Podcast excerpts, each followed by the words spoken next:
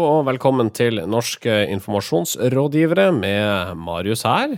Og så har vi Sindre borti der. Ja, du har meg borti her. Og så har du uh, Marius Torkelsen også borti der. I'm back. Ja, Velkommen tilbake fra Uniten. Tusen takk. tusen takk. I dag så uh, skal uh, du, kjære lytter, få høre om Hans Gelmydens nye fiende i norsk PR-bransje, og vi skal snakke om Volvos, Volvos forsøk på å bestikke en svensk journalist. Men først. Haja Tajik er rasende på Frp etter at Ulf Leirstein har likt en video på Facebook der det hevdes at Tajik støtter halshuging. Leirstein har beklaga det her i etterkant, men Ap vil også ha en unnskyldning fra Siv Jensen, og det får de ikke. Det har de jobba hardt for å få. Det her eh, tok jo fyr uh, forrige uke, uh, men har liksom gått inn i denne uka her som et heftig debattema. Hadia Tajik er jo en veldig, etter hvert veldig fremtredende Ap-politiker som har tatt innvandringsspørsmålet og, og, og begynt å diskutere det mye. Ja, Vi vet hvem hun er. Kom igjen. Ja. ja det, som er, det, som er, interessant med det, her er jo at uh, Arbeiderpartiet vil ha Siv Jensen på banen uh, i så stor grad. Uh, når Leirstein likevel har beklaget det han har gjort. Så det er jo spørsmålet. Det ligner jo Dette er på, på noe som amerikanerne kaller for en non-denial denial. For det Siv Jensen har sagt i denne saken, her, er at hun hun registrerer at uh, Leirstein har uh, lagt seg flat for dette her, uh, og mener det er bra, da. men hun har ikke sagt beklager direkte. Jeg, jeg, oppfatter dette her fra Ap bare som en måte å liksom, slå litt politisk mynt på det. Fordi eh, de, de, tenker det at OK, nå har eh, han eh, idiotiske fyren i Frp sagt eller gjort noe dumt på Facebook. La oss prøve å bruke dette til å svekke Frp. Og da må vi klare måte, å pinne det til Siv Jensen, for hun er jo da FrPs ansikt. Og hvis vi bare klarer å få henne til å beklage, da kan vi si at dette er noe Frp måtte ha står for, ikke bare noe han ene idioten står for. Eh, men, men det, det klarer, klarer, de ikke å få til. da. Og så er det også sånn at Hvis Siv Jensen skal gå rundt og beklage det alle i Frp gjør hele tiden, så kan hun ikke jobbe som finansminister, for da har hun ikke noe mer tid igjen. Eh, grunnen til at vi trekker fram uh, det her non-denial-begrepet, er jo at Obama var egentlig offer for noe av det samme i 2008, før han ble valgt som president. Da var det um, da, da, gikk jo det rykter om, eller mange mente, at Obama egentlig var muslim. Og da var det jo en i valgkampapparatet til Hillary Clinton som eh, spredde et bilde av Obama der han var på besøk i Kenya. Uh, og hadde på seg muslimske klær, da, hvis man kan si det. Uh, og da, da fikk jo den her ryktet vann på mølla. Samtidig så ble valgkampapparatet til Hillary Clinton kraftig kritisert. Og da svarte de med at vi vet ikke Vi er 700 personer i vårt valgkampapparat. Vi vet ikke om noen kan ha sluppet denne videoen. det har ikke vi kontroll på. men hvis det var det, så uh, var det ikke meningen at Obama skulle bli opprørt over det.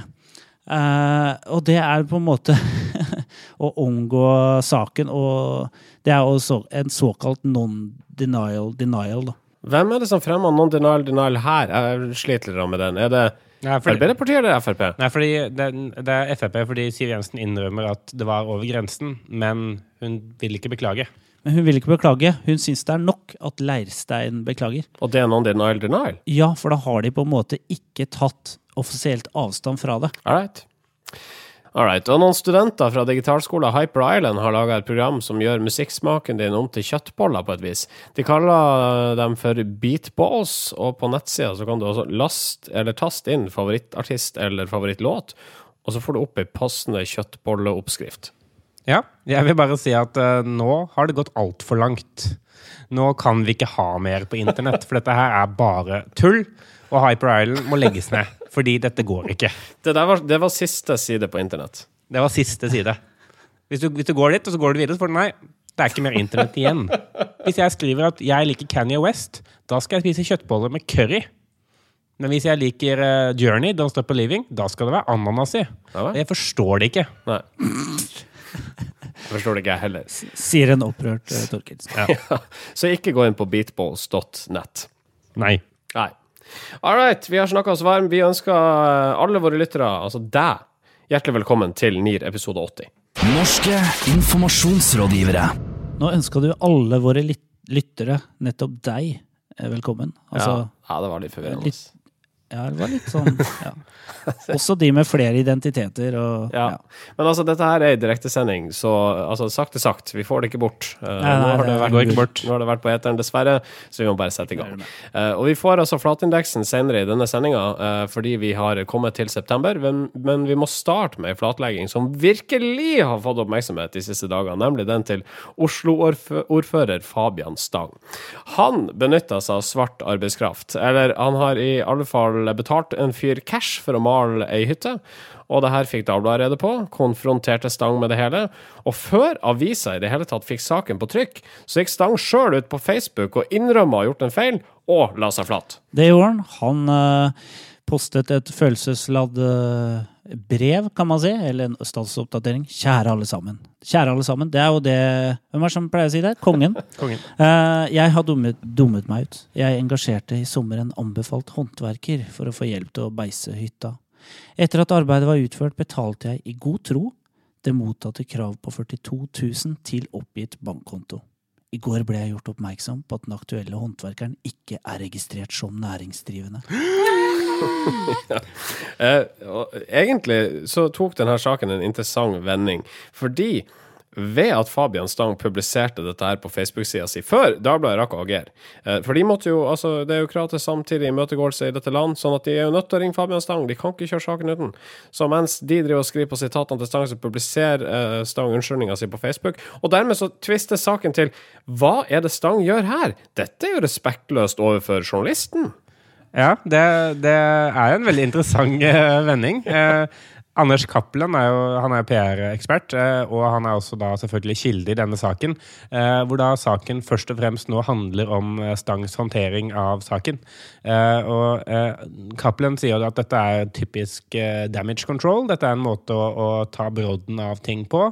Og prøve å påvirke den, eh, den offentlige meningen, eh, holdningen til dette, før, eh, før det braker løs i, i Dagbladet. Dagbrake. Eh, og eh, Den kommer jeg på nå. Eh, Stemmet materiale. Takk, takk. Um, men, og han har, et okay. poeng, for jeg, jeg syns det er fiffig på en måte av uh, Fabian Stang å, å gjøre det på en måte i, en- i en arena hvor han kontrollerer alle tilbakemeldingene. For det er det som er på Facebook. Altså, han, kan, uh, han kan svare på spørsmål der og da, istedenfor at folk skal lese i Dagbladet, så snakke sammen og så bli enige om han, at han er en dritt eller ikke en dritt. Så kan, kan han skrive dette Facebook-innlegget, få masse kommentarer og reaksjoner umiddelbart, og gå de i møte eller mm, få støtte osv. Så, videre. så ja, jeg forstår det. det er jo klassisk eh, krisehåndtering, egentlig. Altså, dette her grepet, det ligger, det ligger i ei spesiell lomme nede i verktøykassa til enhver PR-rådgiver, og man drar det opp ved behov. Det er ypperlig krisehåndtering. Det er jo eh, egentlig skadebegrensning å drive med. Eh, og jeg syns det er ypperlig gjort. Det som er litt sånn pussig, er at Anders Cappelen lanserer et begrep jeg ikke har hørt før, og det er kildeetikk. Ja. Han mener at kilder har et eller annet ansvar her, da, med å respektere det gravearbeidet som journalisten gjør. Eh, Ok, jeg tror det er ganske mange kilder som ikke har den inngående kunnskapen om hvordan journalister jobber og deres etikk. Eh, Så bevisførselen her eh, når det gjelder etikk, er vel egentlig stort sett hos Dagbladet. Ja, men, men, men men, mener han det at, liksom, at Fabian Stang bør respektere det faktum at denne Dagbladet-journalisten har jobbet lenge med denne saken, og vi trenger et brakoppslag? Når vi satt på eh, ene brenneren på grillen, la oss sette på én brenner til før du uh, legger deg flat. Ja. Altså, Du skal ikke komme unna med liksom brunsvidd. Du skal være hel gjennomgrilla gris. da. Nå har vi planlagt en hel føljetong hvor du først skal nekte for det, og så skal vi konfrontere deg med nye bevis, så skal du nekte for dem, og så skal det komme enda mer bevis. Faen, vi Og så skal vi hele- intervjue noen andre uka. som sier at du må gå, og så uh, sier du at uh, du legger deg flat. Uh, Ja, og så drar kan du legge deg flat, men ikke, først. Og ikke så kommer Jon Olav Egeland i Dagbladet og sier at det var jo ikke så ille. Altså, så blir det en ny debatt rundt det, ikke Så han burde kanskje ha fått lov til å beholde jobben likevel. Men du, Kappern får jo støtte blant andre fra Kjersti Løken Stavrum, generalsekretær i Norsk Presseforbund. Og hun skriver eh, i et innlegg på journalisten.no i fremtida vil journalisten være mindre åpen og gi intervjuobjektet mindre tid, eller ingen tid i det hele tatt, til å svare for seg, skriver hun. Og det er selvfølgelig et uh, poeng, men, men uh, jeg tror hovedproblemet her er at Fabian Stang har større troverdighet enn en Dagbladet. Uh, og hvis han ikke hadde hatt det, så hadde det ikke spilt noen rolle hva han hadde skrevet på egen Facebook-side. Så jeg tror det først og fremst er et medieproblem framfor et, et bransje-presseproblem. Her forskutterer jo Løken Stavrum en medieutvikling ut fra én enkeltsak som er litt spesiell, og med en veldig medietrent kilde.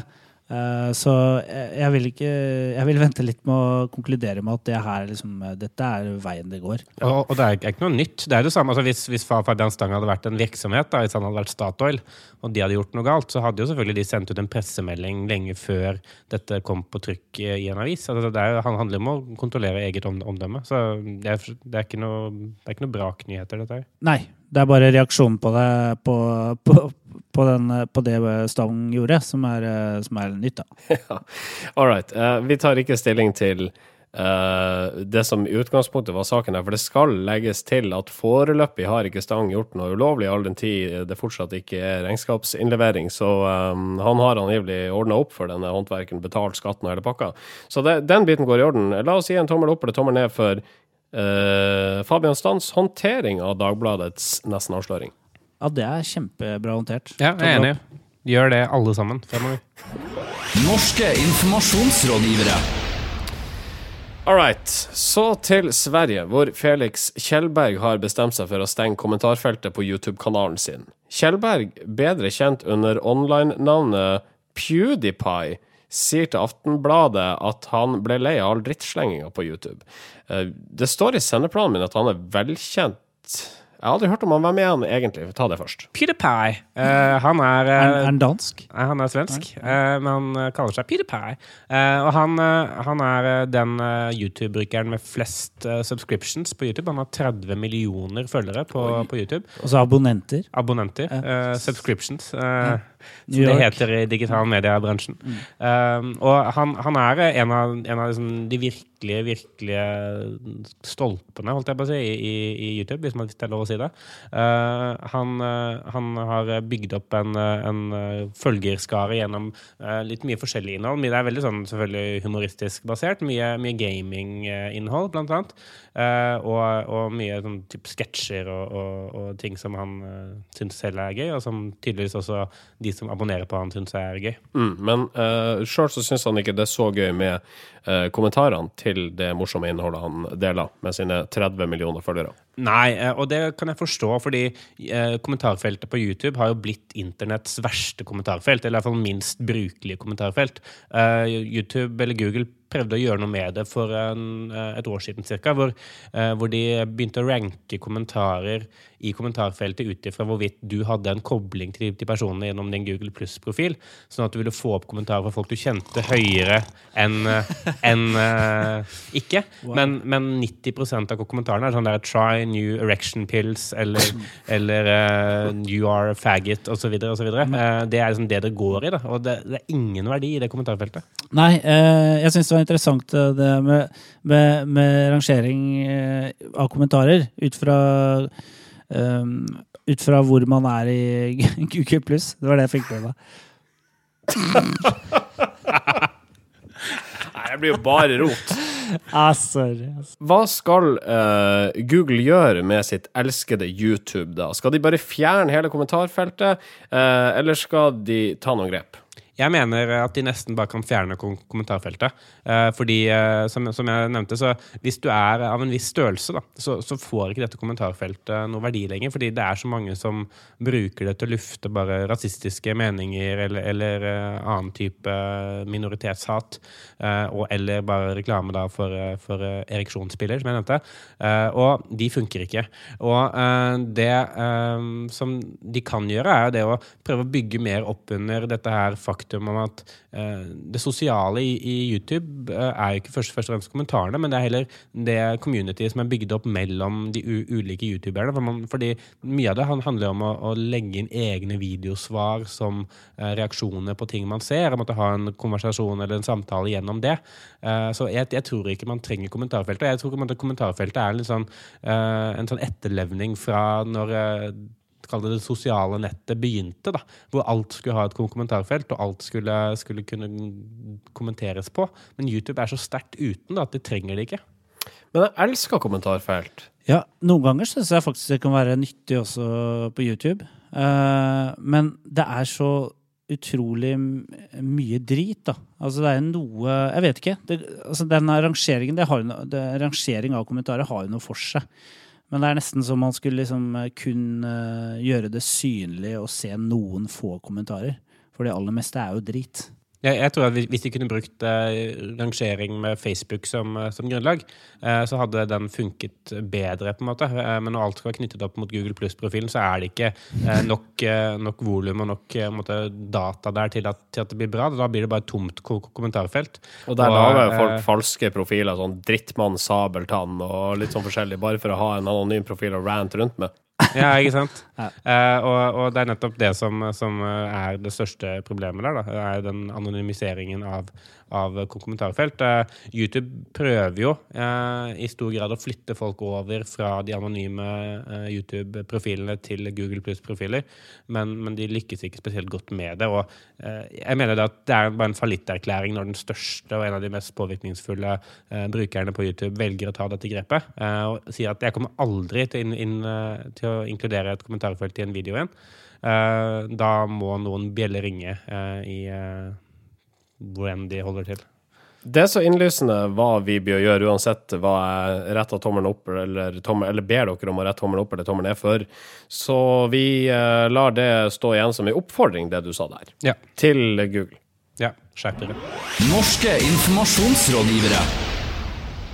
All right. Hans Gelmyden hadde for noen dager siden en kommentar på trykk i Kampanje, hvor han tar for seg det offentliges bruk av PR-rådgivere. Han trekker frem flere eksempler på at offentlige instanser har brukt millioner på strategisk og kommunikasjonsfaglig bistand, annet det at Forsvarsbygg brukte 17 000 på et avisinnlegg skrevet av rådgivere fra børsen Marsteller. Og nettopp børsen, eller BM som Gelmyden konsekvent refererer til dem som, er eksempler han kommer tilbake til igjen og igjen. Før han skynder seg å tilføye at det ikke er noe galt i at det offentlige bruker penger på rådgivning, de må bare kunne dokumentere at det har en effekt. Og nettopp dokumentasjon er noe Gelmyden Kise, sitat, et av landets beste kommunikasjonsbyråer, sitat slutt, er veldig god på. Ja, eh, Hans Gelmin har begynt å miste litt Han begynte å bli litt usikker på eh, hvor bra Gelmin Kise er. For han må hele tiden minne seg selv og andre på at de er et av landets beste kommunikasjonsbyråer. Eh, Og Han skriver også i kronikken at Helsedirektoratet har i ti år konsekvent unngått å benytte et av landets beste kommunikasjonsbyråer. Eh, Og da regner jeg med at han mener Gelmund Kise, for han eh, gjentar jo det budskapet der. Og han refererer til at de har oppfordra Helsedirektoratet tidligere til å legge fram sine evalueringer av kampanjer for 40 millioner kroner over en toårsperiode. Uh, og hvordan de har evaluert. Uh, og han sier at de selv har gjort undersøkelser, altså Gelmund Kise. De har altså brukt en del tid på dette her for å, for å se på de undersøkelsene Eller for å se på kampanjene som børsen har eh, stått for. Uh, og da har de funnet ut at det er veldig lite gode resultater. Det, med ett unntak, og det er en kampanje for alkoholfritt svangerskap i 2011. Og det er vel det- Alkoholfritt svangerskap er vel noe de fleste driver med, uansett. Eh, men, eh, og det er jo eh, interessant at han Ikke menn. Nei, ikke menn. Nei, ikke menn, nei. Nei. Men det er jo interessant at han gjentar seg selv. Han har jo vært inne på dette her før. Han er jo veldig lei seg, eller forbanna vel, eh, grinete på at Helsedirektoratet fortsatt ikke bruker eh, Gelman Kise som byrå. Selv om det er Norges beste, eh, et av Norges beste kommunikasjonsbyråer. Ja, men vi har jo diskutert denne saken før, og, og, eller den saken spesifikt. Og vi konkluderte vel med at det var ikke slik at Helsedirektoratet valgte GK bort. Det var jo at GK valgte ikke å levere inn sine dokumenter til konkurransen om disse jobbene for direktoratet. Ja, men det var fordi Hans Gelmeiden hadde hørt fra kilder i Helsedirektoratet at uh, de uansett ikke hadde lyst til å bruke Gelmeiden Kise, fordi Gelmeiden Kise da tydeligvis ikke hadde en god standing internt der. Eh, og eh, han, han eh, sitter nå igjen, da. Han bare, han bare forstår det ikke. Han bare Ja, men, ja, men vi, er jo, vi er jo best! Hvorfor vil de ikke jobbe med de som er best? Altså, jeg, jeg, jeg, Børsen Marshall er jo ikke best. Det er jo Gelmeiden Kise. Ja, vet du hva, Vi har sagt eh, tidligere her i Nier at vi liksom syns Hans Gelman eh, er smart, og, og det er alltid liksom en eller annen agenda vi ikke ser ved, det han, ved hans utspill. Men her så blir det egentlig litt sånn trist nå. Det er gammelmanns uh, pjatt, altså. Sånn Jeg, jeg, jeg, jeg, forstår ikke fra- ja, spyttebakke Jeg, jeg ser for meg liksom Gammel, bitter eh, Ja, litt sånn, litt som eh, de gamlingene på Muppet Show, hvis dere vet hva jeg refererer til. Åh, det er en fin referanse. Ja, jeg elsker det. Det er liksom eh, Han er den Han er de, da. På en måte, han Begge to. Klager jo like mye som to Ja. eh, gretne gubber. Alt dette springer jo egentlig ut fra det at uh, um, Forsvarsbygg var nødt til å betale 17 000 kroner for en kronikk uh, og, fra BM. Og det har måtte, Hans Gelmeden brukt som en brekkstang for å snakke om offentlig eh, pengebruk. eh, hvor eh, han sier det at eh, dette her må ikke handle om hvor mye penger faktisk noe koster, men heller hvor mye eh, resultater man får, indirekte hvor mye makt man flytter. Og er, Det som er interessant, jeg, er at han er, han er egentlig ikke kritisk til, til at denne kronikken var dyr. For han, han sier det at eh, altså, det er dyrt hvis man skal bruke avisen til å pakke fisk i, men hvis målet er å faktisk eh, flytte eller påvirke meninger, så kan, kan det godt hende at uh, dette har skapt mye mer verdi enn de 17 000. Så det er egentlig nesten litt sånn støtte til BM. Og så bare slår han beina under det igjen med liksom, å gå inn på den helsedirektorat-tiraden. Så jeg, jeg, jeg tror kanskje han satt seg ned og mente det godt, så nå skal jeg gjøre noe bra for PR-bransjen, og så bare Nei! Nei, det går ikke. Det, det var en god avslutning. Jeg bare mm, Vil du legge avslutninga med å legge til litt til? Nei, jeg, jeg bare si noe. Trenger ikke å ta det med. Men ja. Hans Gelman har jo, har jo brukt uh, halve livet sitt på å gjøre, gjøre at folk forstår mer av hva PR er for noe. Og jeg føler at de siste månedene så har han bare tåkelagt uh, hele faget ved å, ved å krangle. Ja, og, og ironisk nok så har han tåkelagt det ved å krangle om åpenhet. Altså det, det er en sånn eh, Det er, det er veldig, veldig rart. Det er et godt poeng. Tommel opp eller tommel ned for Hans Germudden? Tommel ned. Det er du som utrydda den begalske tigeren, altså. Brukte du alle kommunens penger på PR-byrå? Flyttet du makt i favør av andre enn dine oppdragsgivere? Sendte du hatmail til innvandrere mens du satt i regjering? I regjering? Dette skal ikke skje. I forhold til det så legger jeg meg flat. Det var ikke meningen at du skulle finne ut det. Jeg legger meg flat. Nå ble det veldig mye negativ presse. Jeg legger meg flat. Jeg tar det til etterretning og legger meg paddeflat. Jeg legger meg flat. Flatindeksen. Det stemmer det, og dette er et høydepunkt eh, begynnelse, i begynnelsen av hver måned. August er forbi, og det betyr at det nok en gang er klart for flatindeksen, der du, Marius Torkelsen, eh, gjennomgår med noen svært avanserte analyseverktøy alle nyhetssaker som har vært på trykk, og ser hvor mange som har lagt seg flat, før du rangerer og setter opp ei topp tre-liste til oss. Ja, det stemmer. Vi prøver jo å få fokus på hvor lett det er å komme unna med ting, så lenge man eh, legger seg flatt. Og eh, det er et velbrukt grep, og det blir ikke noe mindre velbrukt, selv om vi har satt eh, lys på det gjennom denne, denne spalten. Jeg syns nesten at det bare baller på seg. Hva sier indeksen for august måned? Eh, indeksen for august den er, den er sterk. Den er eh, oppe på 30-tallet. Vi snakker eh, 36 uh, unike flatlegginger. Og dette er en måned hvor Fabian Stang da står for uh, veldig, veldig mange av disse altså, ikke det unike, men veldig mange, det er veldig mange flatleggingssaker, men de omtaler da få personer. Eh, så i tillegg til eh, denne Frp-politikeren vi var innom eh, innledningsvis, så er det også Fabian Stang. Eh, så jeg tror når jeg gjorde søket i Retriever, så fikk jeg opp sånn 250 saker eller noe sånt. Eh, og og da tenkte jeg å nei, jeg må slutte i jobben min og kun begynne med dette. her. Eh, men, men så var det heldigvis mye av det samme. Da. Ja, så bra. Eh, all right. Du har en topp tre-liste som nevnt. La oss starte med den tredje flateste for august. Ja, den eh, tredje flateste syns jeg er en litt sånn, eh, litt sånn søt sak. Den går til Posten, eh, da ved informasjonsdirektør Tina Mari Flem. Eh, Og dette er eh, en sak som har dukket opp fordi styreleder Ole Arnli han, er da styreleder i sameiet Vardentoppen. Og han, han har rett og slett nå vært så irritert på Posten over en stund, fordi postmannen som kommer til Vardentoppen sameie, han har mista nøkkelen til dette sameiet. Og det betyr at han, han er nødt til å ringe på døra når han kommer. Og dette har nå pågått i over tre uker. Han har ennå ikke fått, eh, fått ny nøkkel. Eh, og nå har de blitt så lei at han troppa opp på eh, postkontoret og krevde at dette her skulle fikses. Og dette har nå gått hele veien opp kjeden, kall det skrikekjeden i Posten, helt til det nådde Tina Marie Flem i Posten Norge AS. Og hun sier at her har vi sviktet totalt, og det er bare å legge seg flat for kritikken. Det gledelige er at nøkkelen er bestilt, og omkoding vil skje like over sommerferien. Nå er det jo september, da, så det burde jo det burde sikkert være på plass. Spørs jo hvem sin sommerferie det er snakk om. Hvis det f.eks. er gjengen i Nytt på Nytt, så er det vel ikke før i oktober at den kommer. Rett over sommerferien til Jon Almaas. Ja, All right, på en annen plass.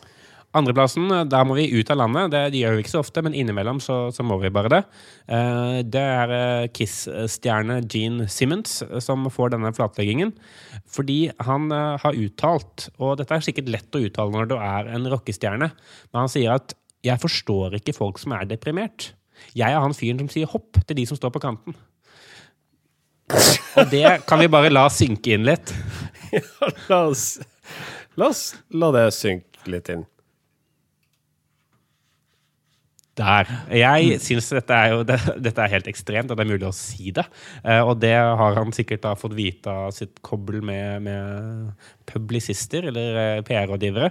Og han, eh, han sier nå at jeg vil på de inderligste be om unnskyldning til de som tok mine kommentarer ille opp.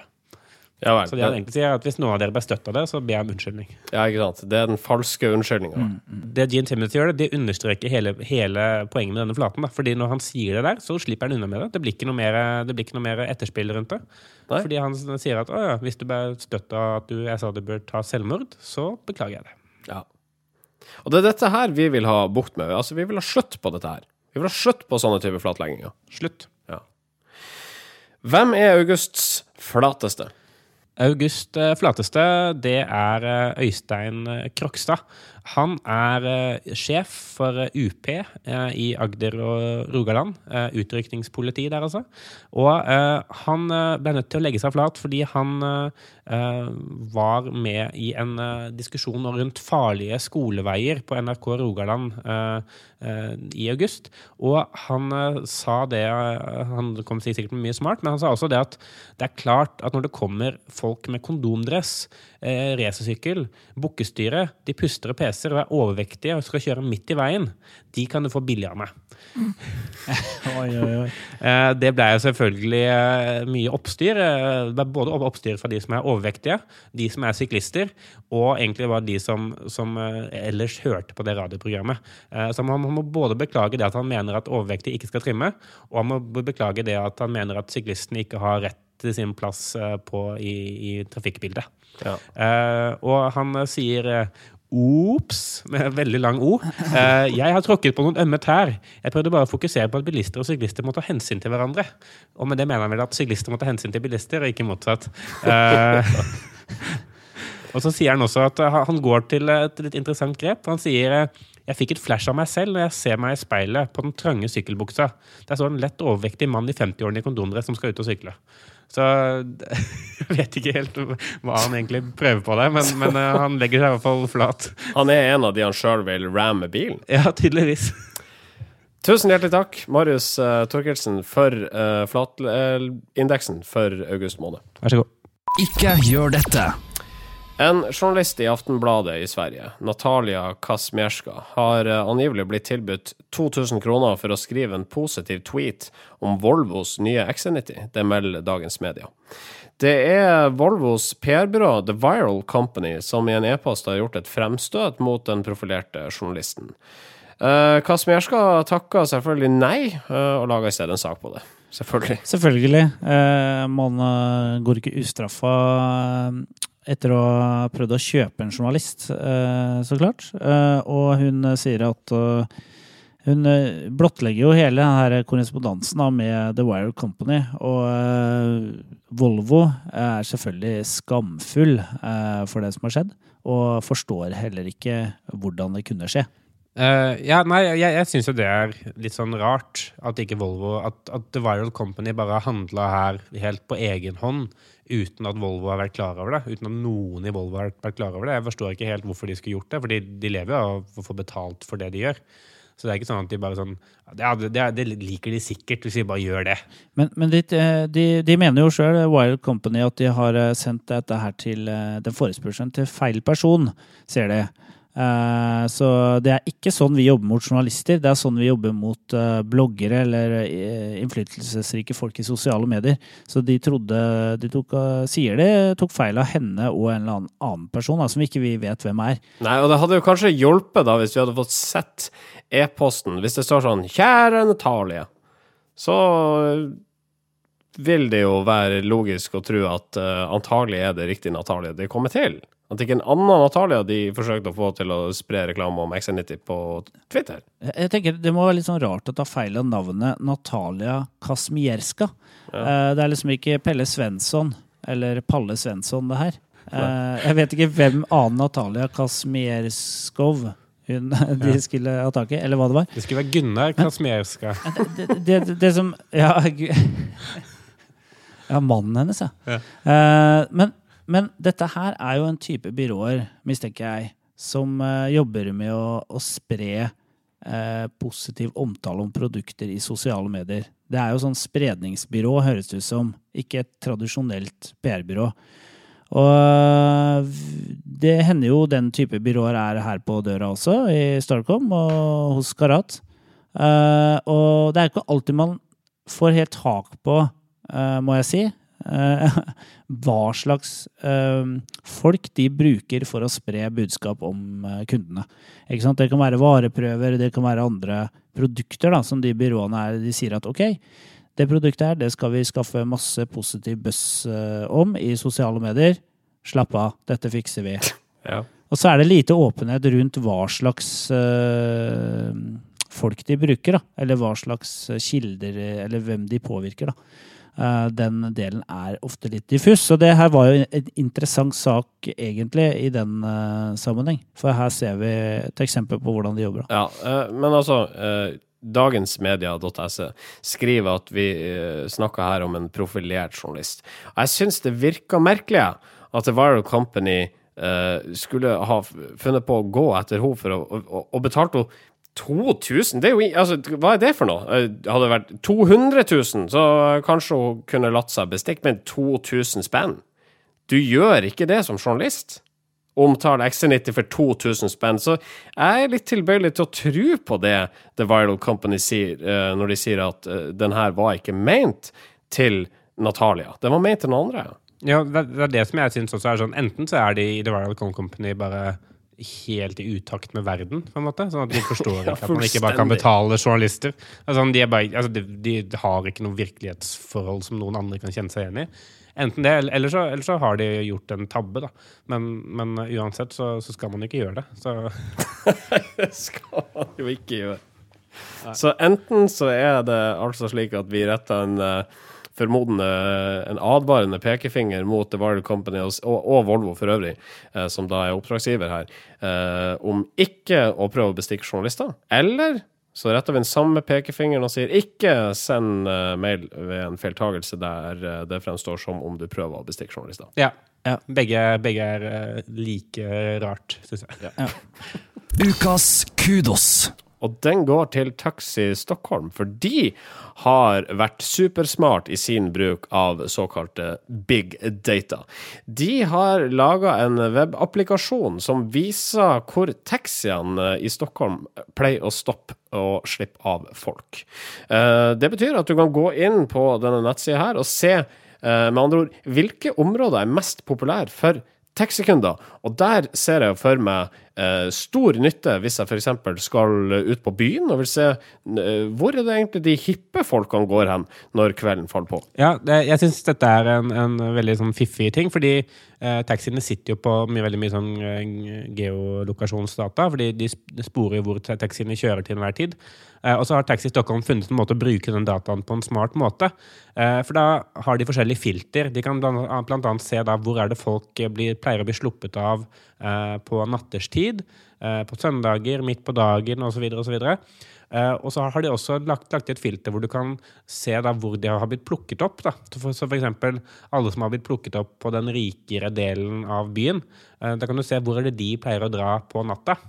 Eh, og så kan du gjøre det motsatte da med de som da ikke er rike. eh, mer arbeiderklassedelen av det. Ja, for du kan altså uh, hake et filter som, eh, som gjør at du kan se hvor er det de som er hip drar, og hvor er det de som er Porsche drar, og hvor er det de som er in between drar, rett og slett. Ja.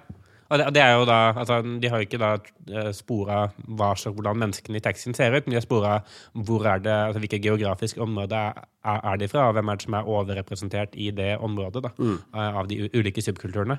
Eh, så jeg, jeg synes dette er, altså, Og så har de brukt det som en sånn markedsføringsstunt, i tillegg til at det faktisk funker som en guide til Stockholm. Da, en litt sånn annen type guide. Eh, så, så I tillegg til at du også da selvfølgelig vet hvor du kan, kan få taxier hele tiden. Og det er jo veldig relevant sånn forretningsmessig, eh, hvor du da skal faktisk møte opp for å, for å få taxi, for der vet du at det er mange som kommer. Så, så jeg syns dette funker på så mange nivåer at eh, det kunne ikke ikke få kudos. Ja. Nei, eh, siste argumentet her syns jeg er veldig godt. Altså bli litt mer eh, bevisst rundt hvor, eh, hvor taxiene er. Hvor de kjører mest. Sånn at der er det lett å få taxi. Det syns jeg er et godt poeng. Mm. og hvis du går inn på taxitrails.se, så får du altså opp et digert kart over Stockholm, og det er noen, noen sånn termiske effekter som illustrerer hvor er det folk eh, går av uh, taxibilen. Eh, Taxi Stockholm, kudosen er deres eh, til lykke. Norske informasjonsrådgivere. Vi fikk eh, ikke snakke om i dag at American Apparel er i vind igjen etter at de hadde uh, laga en funky reklame der en kvinne bøyer seg inn gjennom en, eh, ei bildør eh, med den effekt at eh, stringtrusa hennes eksponeres under det korte skjørtet. Det var synd.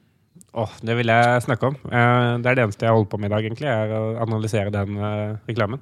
Den stringtrusa. Ja. Ja. Det var, var det stringtruse fra American Apparel?